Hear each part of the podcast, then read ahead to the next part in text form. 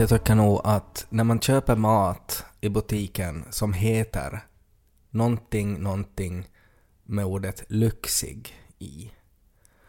Alltså att om du köper en lyxig putt Mm. så förväntar du dig att okej, okay, men det är, okay, det är inte bara helt vanlig pyttipanna utan att det är någonting lyxigare i det. Nå, vill du berätta, vad har du haft för upplevelser då? Det var, det var, var Att det, det, var, värdelöst? det var ingenting i det som var på något sätt lyxigt. Att det var bullshit. Nej men det måste ju ha varit något bättre kött Nej, det var något. inte. Inte smakmässigt. Men att jag gång på gång ändå väljer det där alternativet när jag ska köpa mat. Så finns det liksom... Men vad går du till för mataffär? Jag har aldrig stött på vanliga- någonting som det står lyxigt Nej, men- på. Går det inte till någon sån här lyxig affär? Nej, helt vanliga affärer. Det finns ju alltså här, det finns mormors vanliga jävla knackkorvsmos. Och så finns det lyxig chorizo-mos.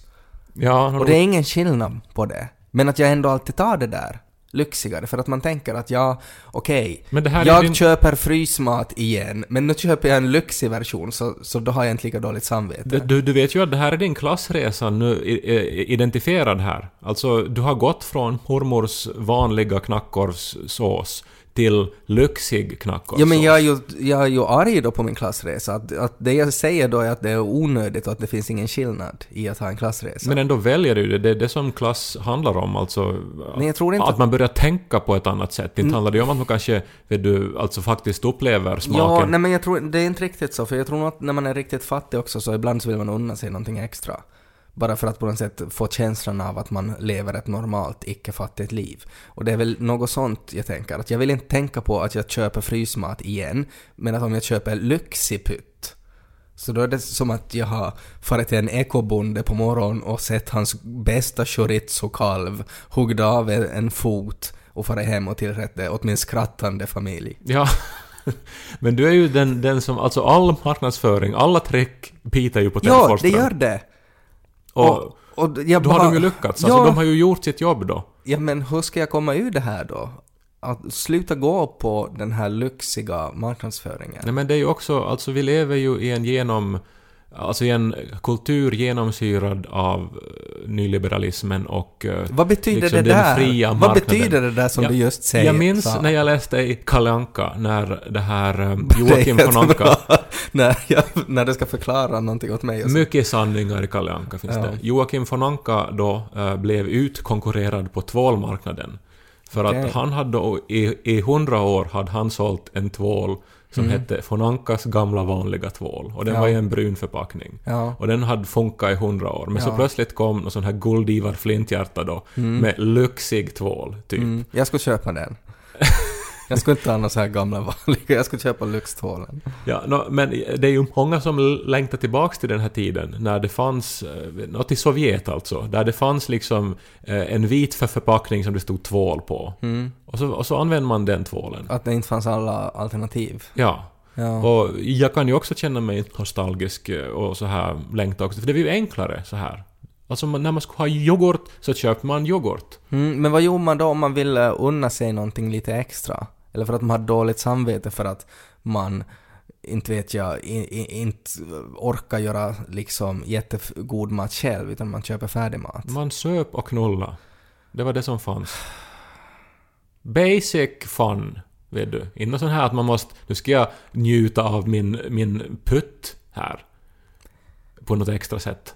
Utan man liksom, man, man, man uthärdar vardagen och sen blev det helg och så blev man full och knasa. Skulle ni kunna ha lo på fredag?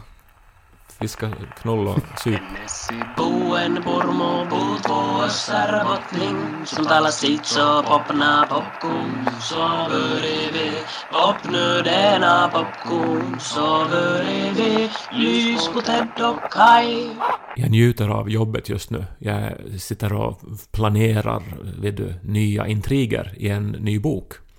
Eller Vad- planerar... Vad gör man då? Nå, det är olika från person till person, också olika för mig från bok till bok, men att just nu är det så här att jag har en, eh, alltså de stora dragen färdiga i historien, men sen ska man ju börja vet du, bestämma sig för detaljerna. Ja. Och till exempel nu för, för några dagar sedan här så hade jag det här eh, uppgiften då för dagen att eh, ta reda på hur min huvudperson träffade en annan person som han sen blev förälskad i också. Hur Mm. gick det till när de träffades? Ja. Och det låter ju som att, äh, vet du, ett, en relativt enkel uppgift. Jag skulle säga på vara med i en sån här eh, blind datingprogram där man ska göra mat åt varandra. Jaha, är det något nytt program Nej, eh, det har pågått jättelänge, men det är mitt favoritprogram just nu. Alltså ett brittiskt program där en person väljer ut från menyer och så väljer man ut, bara utgående från menyn, vem man vill eh, ska göra den här maten åt en. Och så är det då tre personer som man liksom får på dejt med. Ja, men det tycker jag är ganska roligt. Det, det är väldigt underhållande. Och sen eh, den som gör den godaste maten då man har bäst dejt med, så den människan så får man sen få på en riktig dejt med på en dyr restaurang och de båda andra får så här lyxig putt mikromat. Ja, jag älskar den här idén. Ja. Det, det blir lite komplicerat att plötsligt få in ett TV-program just i den här romanen. Okej. Som Men kan det inte hända liksom? Kan inte bara hitta på att det är så där? Att du skriver, kan det inte vara en fantasyroman? Att det utspelar sig i en värld där det är så här man träffar No, människor? det är ju det som är underbart när man skriver allting är möjligt. Men det var det jag menade. Men det är också det om man vill eh, uppnå någon sorts trovärdighet. Jag menar, det där är ett helt modernt, trovärdigt sätt att träffas. Mm. Men ändå, om man börjar skriva om det så är det lite så att, ja men varför händer det De just kan åt den här? träffas på, i ett forum där man debatterar det här programmet. På nätet. Ja, Att de har det här gemensamma intresset, just det här mat-dating-programmet. ja, men ljuvligt, alltså exakt. Mm. Jag menar, eh, oftast så de stora... Varsågod. De stora berättelserna i livet startar ju från väldigt små eh, initiativ, som att gå in på ett chattforum eller som att eh, installera en app. Hur Mm. träffades du och Janika? Men ni studerar tillsammans. Ja, Ja, det är ju vanligt. det är ganska vanligt tror Ja. jag. Näst vanligaste efter, typ, vi var arbetskollegor. Men, eh, men jo, eh, man vill ju ha då en, en, en, en historia som är trovärdig, men ändå lite så här att man höjer på, eller som att man blir lite som oj, wow, Det ska häftigt. vara oj men ändå verka trovärdigt. Ja, jag minns eh, jag var på utbyte i USA när jag var 20 och min värdfamilj, de hade varit tillsammans, den här mannen och kvinnan, i kanske 30 år. Mm. Och de hade då träffats på någon sorts sån här garden party. Mm. Och så hade den här mannen uh, tagit en heliumpallong Uh, Stulit av något barn kanske, jag vet inte. Nej, men Ja. han, det, det, det fanns i alla fall en heliumpallong på platsen. Mm, de hade en ballong där. Ja. Och så tog han den och knöt fast den i armen på den här främmande kvinnan. Jaha. Och så var hon att vad håller du på med, gå, gubbslem? Ja. Eller så skulle hon ha sagt idag. Mm. Det är svårt att vara romantisk idag tycker jag. Det är så mycket så här, vet du, att man kan känna sig påhoppad. Idag. Ja. Men i alla fall. eh, men det gjorde han. Och så sa han då när hon frågade vad det var, att det är så att jag lättare ska hitta dig här i Mm. rummet sen. Ja. Tror jag inte på det där. Otrovärdigt. Det låter som en lögn det där. Romantisk historia! Ändå. Ja, det låter som en konstruktion. Simpel. Dålig konstruktion. Men i alla fall, de är tillsammans ännu 30 år senare. Mm. Eh, men jag... jag Hon har fortfarande ballongen kvar. ja, Den hänger bara som en skruttig. det, det var så här björntråd som, som, och de har som... Mm, Hon har blivit tjockare men den här huden har liksom vuxit runt det här variga såret. Som en vigselring som är allt för liten. hon fastnar i rolltrappor och det har varit så här svåra olyckor. Alltså att jag ska veta var du är! Nej, men det är som every, den här låten av The Police, eh, Every Breath You Take. Mm. Eh, den är ju så här vacker, men så blir det ju plötsligt Every move you make, I I'll be watching you. Men det är som alla dansband. Det är ju också, de är full med, det är bara kåta karlar som stirrar på unga kvinnor från buskar. Men hotfullt är det ju. Ja, väldigt skrämmande. Ja. Men är det så då att orsaken till att hon då fann det här romantiskt, att hon fick en pallong eh, runt sin handled, Mm. var för att han då var, var, var snygg och söt? Eller för att hon var så i panik och visste att hon måste bara spela med för att han är ju uppenbarligen, han har ju TNT runt midjan. Jag Ja, måste bara spela med och försöka blinka SOS åt alla andra på gardenpartyt. Men... När du eh, skakade hand med henne när du kom dit till USA så sa hon ”Help”. Viskade hon. I've been stuck with this man for 30 years.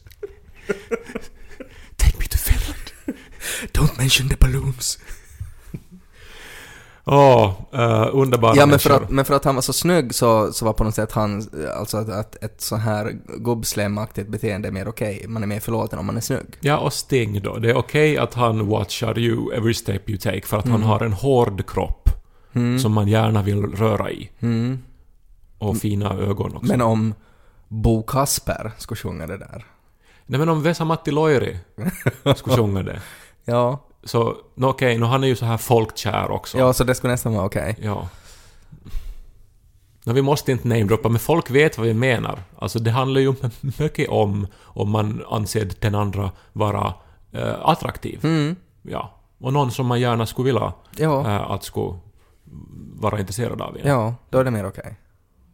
Det där gjorde ju Skam lite fel, att hon var ju så emot den här, den här eh, killen.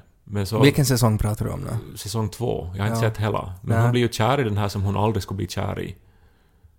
Den Ja, du pratar om Nora, ja. Ja, den här Mm. blonda tjejen blir kär i den här mörka killen Mm. som hon hatar egentligen. Men han är ju så snygg. Men så där är det ju framförallt när man är tonåring. Men hur som helst så skulle jag vilja dela eh, en, en, en historia som, som bevisar, tycker jag, det här med att verkligheten ju då alltid egentligen är mer fantastisk och mer otrovärdig, mer eh, oväntad än fiktionen. Mm. Att hur man än försöker dikta och göra eh, spännande historier så är verkligheten alltid snäppet före. Eh, det är en tjej som jag känner från när jag var liten. Hon var en dag ensam hemma. Mm. Det här är alltså i Österbotten, i Mm. en liten by. Ensam hemma, hade tråkigt. Det regnar väl där ute. Det finns inte så mycket att göra i Essie. Nej. Eh, Så hon hade tråkigt. Hon lyfte eh, den fasta telefonen, alltså sån här landlinje, vad heter det? Du Mm, vet vad vi menar? ga- gammaldags Ja, telefon. lyfte luren. Inte en Juppinalli. Nej, inte en o- Oerhört uttråkad slår hon randomly på siffrorna. Ja, eh, Så här. ja. Som man ju gör. En stund. Som man gjorde. Nåja, uh, kopplingstonen hörs och en man i Ukraina svarar. Mhm. Och idag är de gifta och har barn. Det tror jag inte på. Men det är helt sant. Nej, det, det kan är inte absolut sant. Kan inte... Det, Hon har berättat den här historien för mig, Ja, men- det var så de träffades. Ja, men det, det... Så hon slog in ett random nummer Ja, och så ringde hon till Ukraina. ja. Och så svarade då någon. Det var den här mannen som svarade och säkert så var det ju, antar jag då, eh, ett väldigt eh, så här gradvis då att det var, det var ju egentligen en pusringning. Men att Mm. de då pratade lite så här, oh, oh, oh, oh Ukraine, wow, ha, ha, ha. Mm. Maybe en- you should marry me, maybe I should. Where do you live? Men så var det ändå nå- någonting som fick dem att, att, att ringa upp faran igen. Jättejobbigt om, om de inte har så här telefoner som att det visar vilket nummer som har ringt. För sen har hon såhär, oj det här, var, det här var det bästa samtalet jag någonsin haft i hela mitt liv. Vi hörs igen imorgon. Hej då, det gör vi, hej då, klick. Vad var det för nummer jag slog? Men jag tycker det är en fantastisk historia som visar hur kärlek fungerar.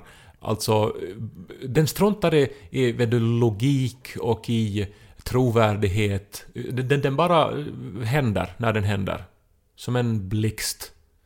Eller så är det ett bevis på hur otroligt desperat man är i Essie.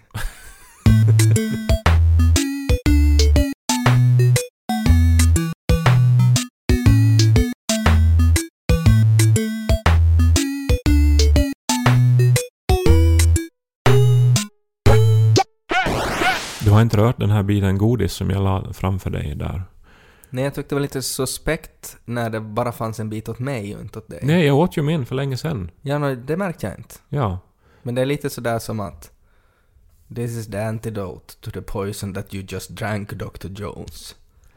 Som en, en replik som jag ofta tänker på. Ja. Eh, den filmen av de tre, nej fyra nu för tiden, är ju den eh, minst omtyckta. Men jag har alltid haft egentligen motsatt åsikt. Den är, det är den som jag gillar mest. Men för att du har en så här nostalgisk, du såg den när du var i en väldigt mottaglig ålder. På tal om... Men jag såg alla Indiana Jones-filmer i en väldigt mottaglig ålder. Men det är någonting speciellt med just den där öppningsscenen, med den här resan till Indien, Mm. med Short Round. Sen är ju och- hela den här kvinnan är ju Steven Spielbergs fru. Ja, men det är ju ljuvligt också. Ja, men också som- lite speciellt.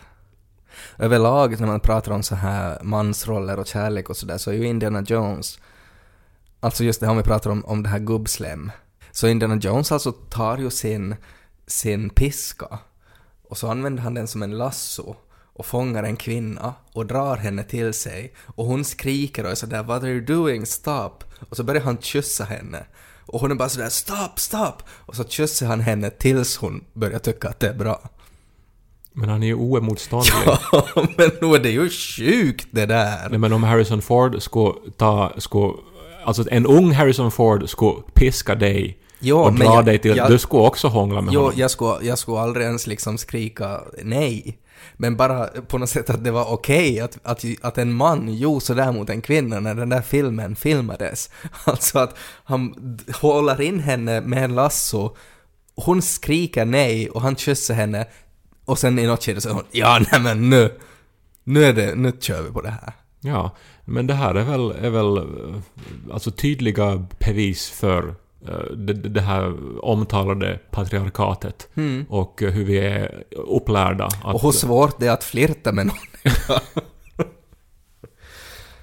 Överlag känns ju en enorm piska som ett sån här verktyg och redskap som jag tycker är ofattbart att det inte är mer förekommande än vad man skulle tro att det skulle vara. Alltså att du, tänk, du har liksom hammare, ham, alla har ju en hammare hemma, en såg hemma och sådär. Och, och, men jag, jag tycker att en sån här stor tjurpiska är någonting som man skulle kunna använda ofta liksom i sitt vardagliga liv. Alltså just så här att piska saker åt sig. Man kanske behöver, man kan jumpa lite så här på, medan man står i metron och på väg till jobbet så hoppar man lite hopprep med piskan och, och sådär. Oj nej, hissdörren för fast. Ja vänta, jag tar min piska. Och så far den däremellan. Ganska dålig piskljudeffekt. Jag gör det en gång till med en riktig ljudeffekt. Oj nej, hissdörren får fast. Så. Vet du hur den där pisksnärten uppstår? Alltså vad det är som låter? Nej, det är väl en liten, liten, liten Sonic Boom. Ja, det tycker jag är jättespännande. Alltså, Mm. att, eh, alltså det som det innebär är att eh, ändan av piskan så färdas i ett ögonblick då snabbare än ljuset. Mm. Och då uppstår ett sånt här ljud. Så egentligen så skulle NASA kunna börja... sa jag? Snabbare än ljuset? Så att NASA skulle kunna Snabb- piska iväg rymdfärjorna till Mars. Jag menar givetvis snabbare än ljudet förstås. Att eh, så pass mycket har jag ändå läst fysik nu. Mm. Men det är häftigt. Såg ett program också om en sån här man i Indien som gör traditionella piskor. Och Mhm. det, det tar liksom tre månader att göra en. Och så kostar de en halv miljon. Och Mm. något sånt här. Men att det är som... eh, han gör de bästa piskorna i hela världen. För att när man behöver en piska så då ska det faktiskt vara de bästa piskorna.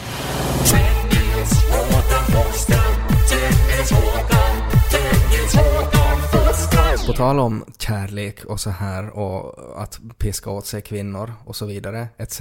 så läser jag statistik på eh, alltså finska kvinnor om de inte gifter sig med en finsk man så vilken eh, vilket land är liksom den mannen som de gifter sig med då? Och den vanligaste statistiken är alltså att finska kvinnor gifter sig med irakiska män. Jaha. Vilket ju är lite skojigt när man tänker på en man från Irak. Jag tänker ju spontant på Saddam. Alltså, Jag tänker ju på den här Said från Lost. Han som var i The Republican Guard. jag tror att det är för att du är gay och jag är straight. Det måste ju vara det.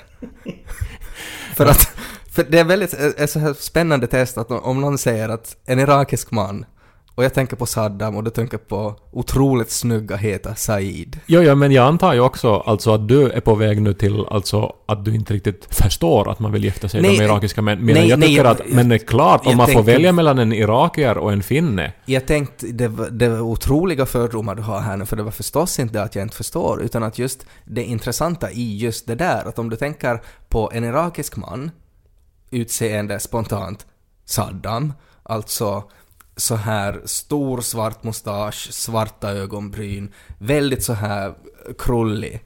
Eh, och sen tänker du på en finsk man som är lite blek, eh, lite sådär skallig och, och sådär. Mm. Det, det är en väldigt stor skillnad mellan en irakisk man och en finsk man. Och att hur spännande det är då att de här finska kvinnorna hellre då gifter sig med en irakisk man med utseende. Att är det någon sorts evolutionärt att man tänker att okej, men att, att det är ju just de där generna som mitt barn behöver.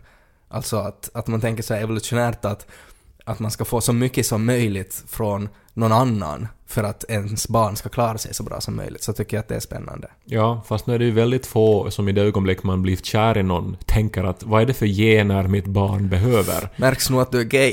Ut utan kärleken arbetar ju på mysteriska vägar som vi har redan konstaterat i den här podden. Mm. Och att, eh, vadå? Jag menar, man, man, är, man är ute på en bar och nu för tiden är det ju en hel del uh, män från Mellanöstern i vårt land Mm. eh, som, eh, som man stöter på. Mm. Jag, jag tycker ju det är klart att man eh, liksom dras till det exotiska, till Sen det är som det är annorlunda. Intressant också när man tänker på just på så här barkultur och, och flirting och sådär, att hur finska karlar i allmänhet är ganska dåliga på small talk och att närma sig eh, så här en potentiell partner och sådär. Medan då just män från Mellanöstern är ju, kan vara ganska rakt på sak och, och vara liksom, ha, har inte ångest av att stå nära någon vid busshållplatsen till exempel, som finska karlar har. Och att där kan det också spela en faktor.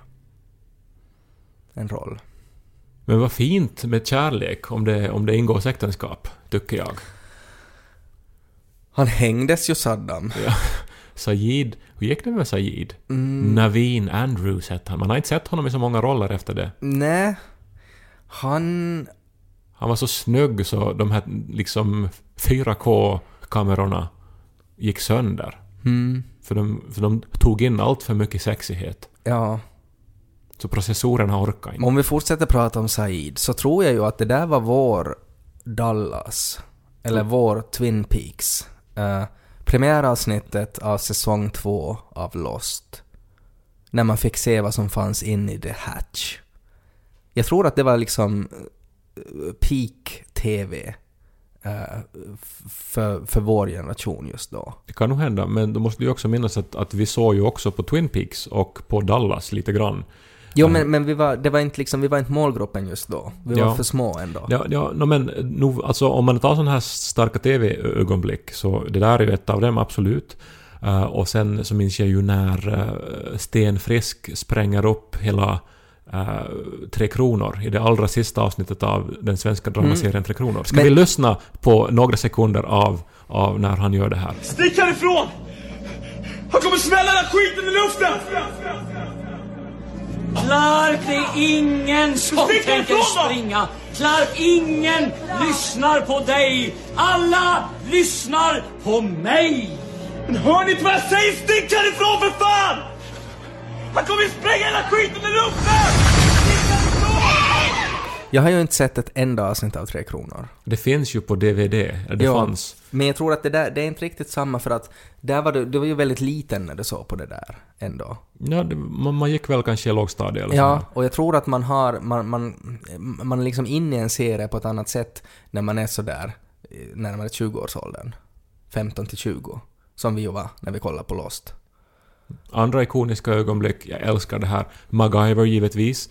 Eh, det mest skrämmande, spännande avsnittet är ju det här när han hittar ett skepp ute i, en sjö, i en sorts eh, kanadensisk skog. Och så visar det sig att Bigfoot finns ombord på skeppet. Mm. Och sen så slutar avsnittet med att de avslöjar då att Bigfoot var någon som var utklädd. Men så, i det allra sista ögonblicket när de står ute i skogen och ska precis fara hem, så hör de det här. You didn't really fall for that guy in the monkey suit, did you? Yeah, the guy had me going for a while.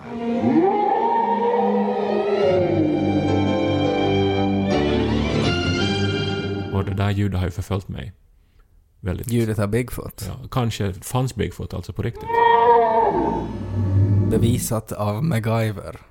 Men vi följde ju alltså Lost alltså slaviskt. Alltså vi såg ju varje avsnitt i- när de gavs ut och det här hände ju alltså under sex år. Alltså det var en stor del av våra st- studieår. Ja, och, och just den här eh, intensiva diskussionerna efteråt. Alltså skulle, skulle Lost ha kommit idag och vi skulle vara i den åldern så skulle vi ju ha haft en Lost-podd där vi bara skulle ha pratat om det.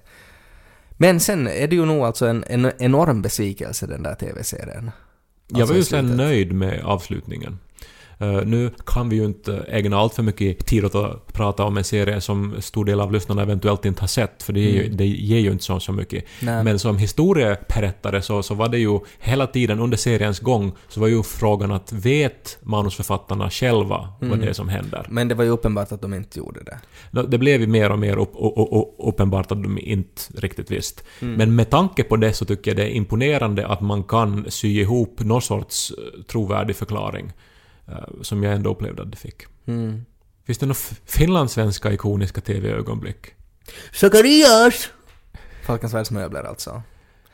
Eh, kanske var det när vi gjorde det här barnprogrammet Ursäkta Birgitta och så i finalavsnittet så var vi klädda i smoking och så höll vi upp ett plakat där det stod No smoking och så skrattade vi och tittade in i kameran. Mm. Jag tror det här finns på nätet faktiskt, alltså att om man vill se på Kajs frisyrer så kan man alltså googla på Ursäkta Birgitta och så hittar man den här. Det här barnprogrammet. Ted liknar Silvia Modig på pricken. Ja, det gör jag faktiskt.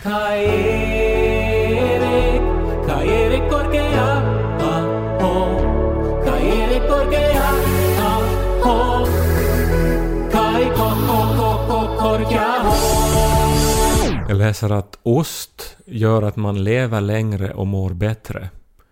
Det här har nu då bevisats av en osttillverkare. Om det skulle stå på förpackningen så skulle jag köpa den osten. Ja.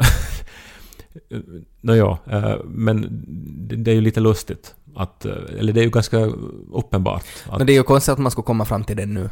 Med tanke på att ost har ju gjorts i tusentals år. Ja, fast var det inte nyligen som man kom fram till i Finland att våt ved brinner bättre än torr ved? ja, och det är också löjligt att det tar så där länge att komma fram till det. Mm.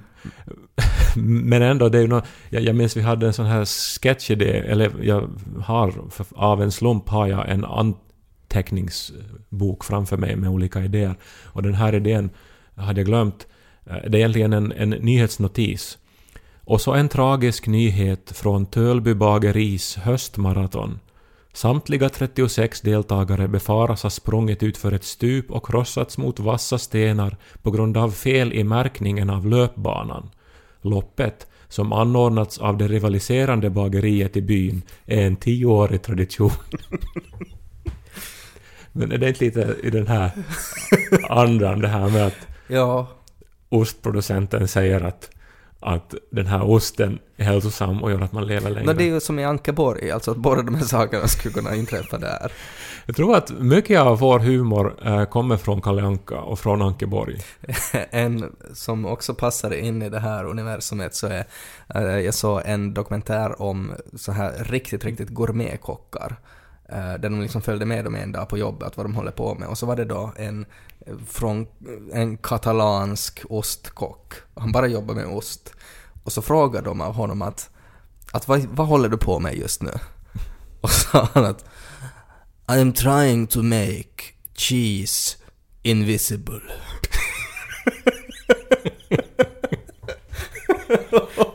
och, och, han var liksom helt seriös alltså. Ostalkemist. Ja, så han var ju det. Och, och liksom, det var då att han försöker få ost i någon sorts skum så att man inte skulle liksom veta att det är ost i det, men att det skulle ändå bli så här ostigt.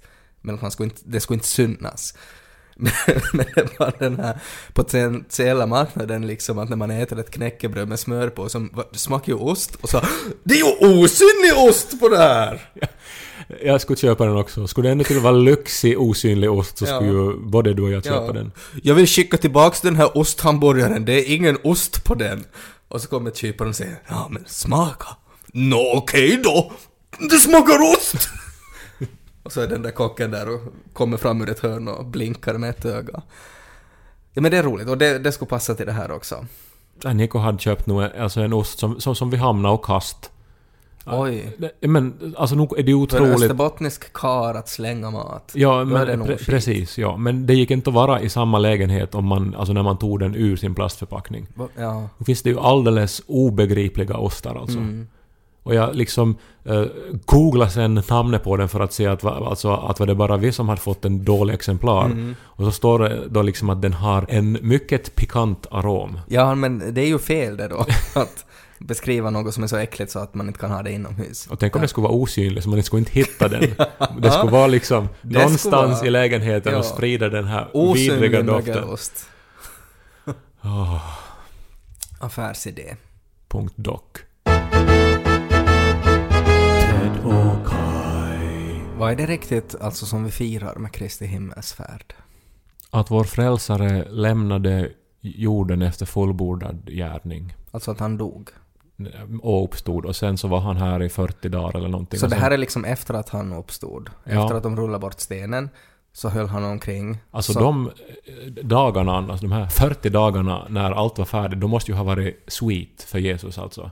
Alltså, vet du, som, vet du, när nå- någonting riktigt jobbigt är över Mm. och man får liksom ta det lugnt innan man då påbörjar nästa grej. Och det måste ju ha varit ett extrem fall av den euforin under de här 40 dagarna. Att han går omkring Alltså han hade semester. Ja, och bara liksom går omkring och njuter av att vara Guds son och att ha räddat hela världen. Och eventuellt var en zombie. ja, och, och så här. Och, och liksom att nu vet han att det gick bra. Men så det var- Djävulen är besegrad. Ja. Var det så faktiskt? Döden is no more. Ja. Men sen liksom, det var på torsdag då som han liksom flög upp i rymden då till Gud. Och det är därför vi är lediga. Mm. Okej. Och får, får väl till och med... Alltså det är väl en sån här söckenhelg till och med. Så att man får eh, liksom en extra... Om man hamnar att jobb då, så får man dubbel lön men också en extra ledig dag. Jag alltid, alltid när jag hör ordet söckenhelg så tänker jag på präster som smakar på något riktigt sött, att de sitter och äter typ något så här frostiga dadlar med socker på och så har de det i munnen till det var riktigt söcken. Att det var lite för, för sött. Ja, vissa ord skapar ju såna här associationer till ljud och till handlingar. Som Kristi himmelsfärd, det ordet, låter ju som att han åker pulka. Tycker jag. Ja men tänk att du får vara ledig. Ja, Och, det är jättebra för en frälsare det. Mm. Det är ju så här tips tycker jag, alltså att om någon skulle vilja starta en religion eller något, är ju att, att man skulle liksom att allt vad man gör med sina lärjungar eller alla mirakel så på något sätt leder till en röd dag. Att man bara gjorde en massa saker som man fick vara ledigt. Överlag tycker jag nog att man skulle kunna uppdatera röda dagar lite. Att, jag menar, det är ju varje år samma jävla första maj, Sant. samma liksom jul och påsk. Det Yes, kunna- och ofta just att det är något just då som att, att Jesus får upp till himlen. Att skulle inte vi kunna ha något liksom när Google uppfanns? Och så skulle det vara en röd dag. Alltså att uppdatera de här miraklen. Skulle det kunna vara någon sån här, du, nu hade igen delats ut såna här eh, medaljer. Det var mors dag, så delade de ut medaljer till mammor. Mm. Eh, Och det var ju fint. Men om man skulle kunna så att säga ge någon en röd dag, alltså någon som har gjort någonting riktigt exceptionellt. Så får man använda det när man vill. Ja, Som en duglighetspermission i Millen. lite grann så. Ja. Så att liksom... Jag den- skulle, jag skulle, alltså jag skulle på min dödsbädd så skulle jag ha 120 röda dagar oanvända runt min hals. För jag skulle aldrig använda dem, jag skulle bara spara dem tills den här ultimata röda dagen. Och så skulle det skulle aldrig inträffa. Jag tycker inte alls att det här är eh, dåligt. Jag menar alla... Alltså visst är det roligt med medaljer, det är roligt med penningpris, men att ge en tid, Det är det finaste man kan ge. ja. Jag försökte förklara åt Lo också. Lo, det här är det finaste jag kan ge. Tid. Han ville ha en traktor. Ted och Kai, Ted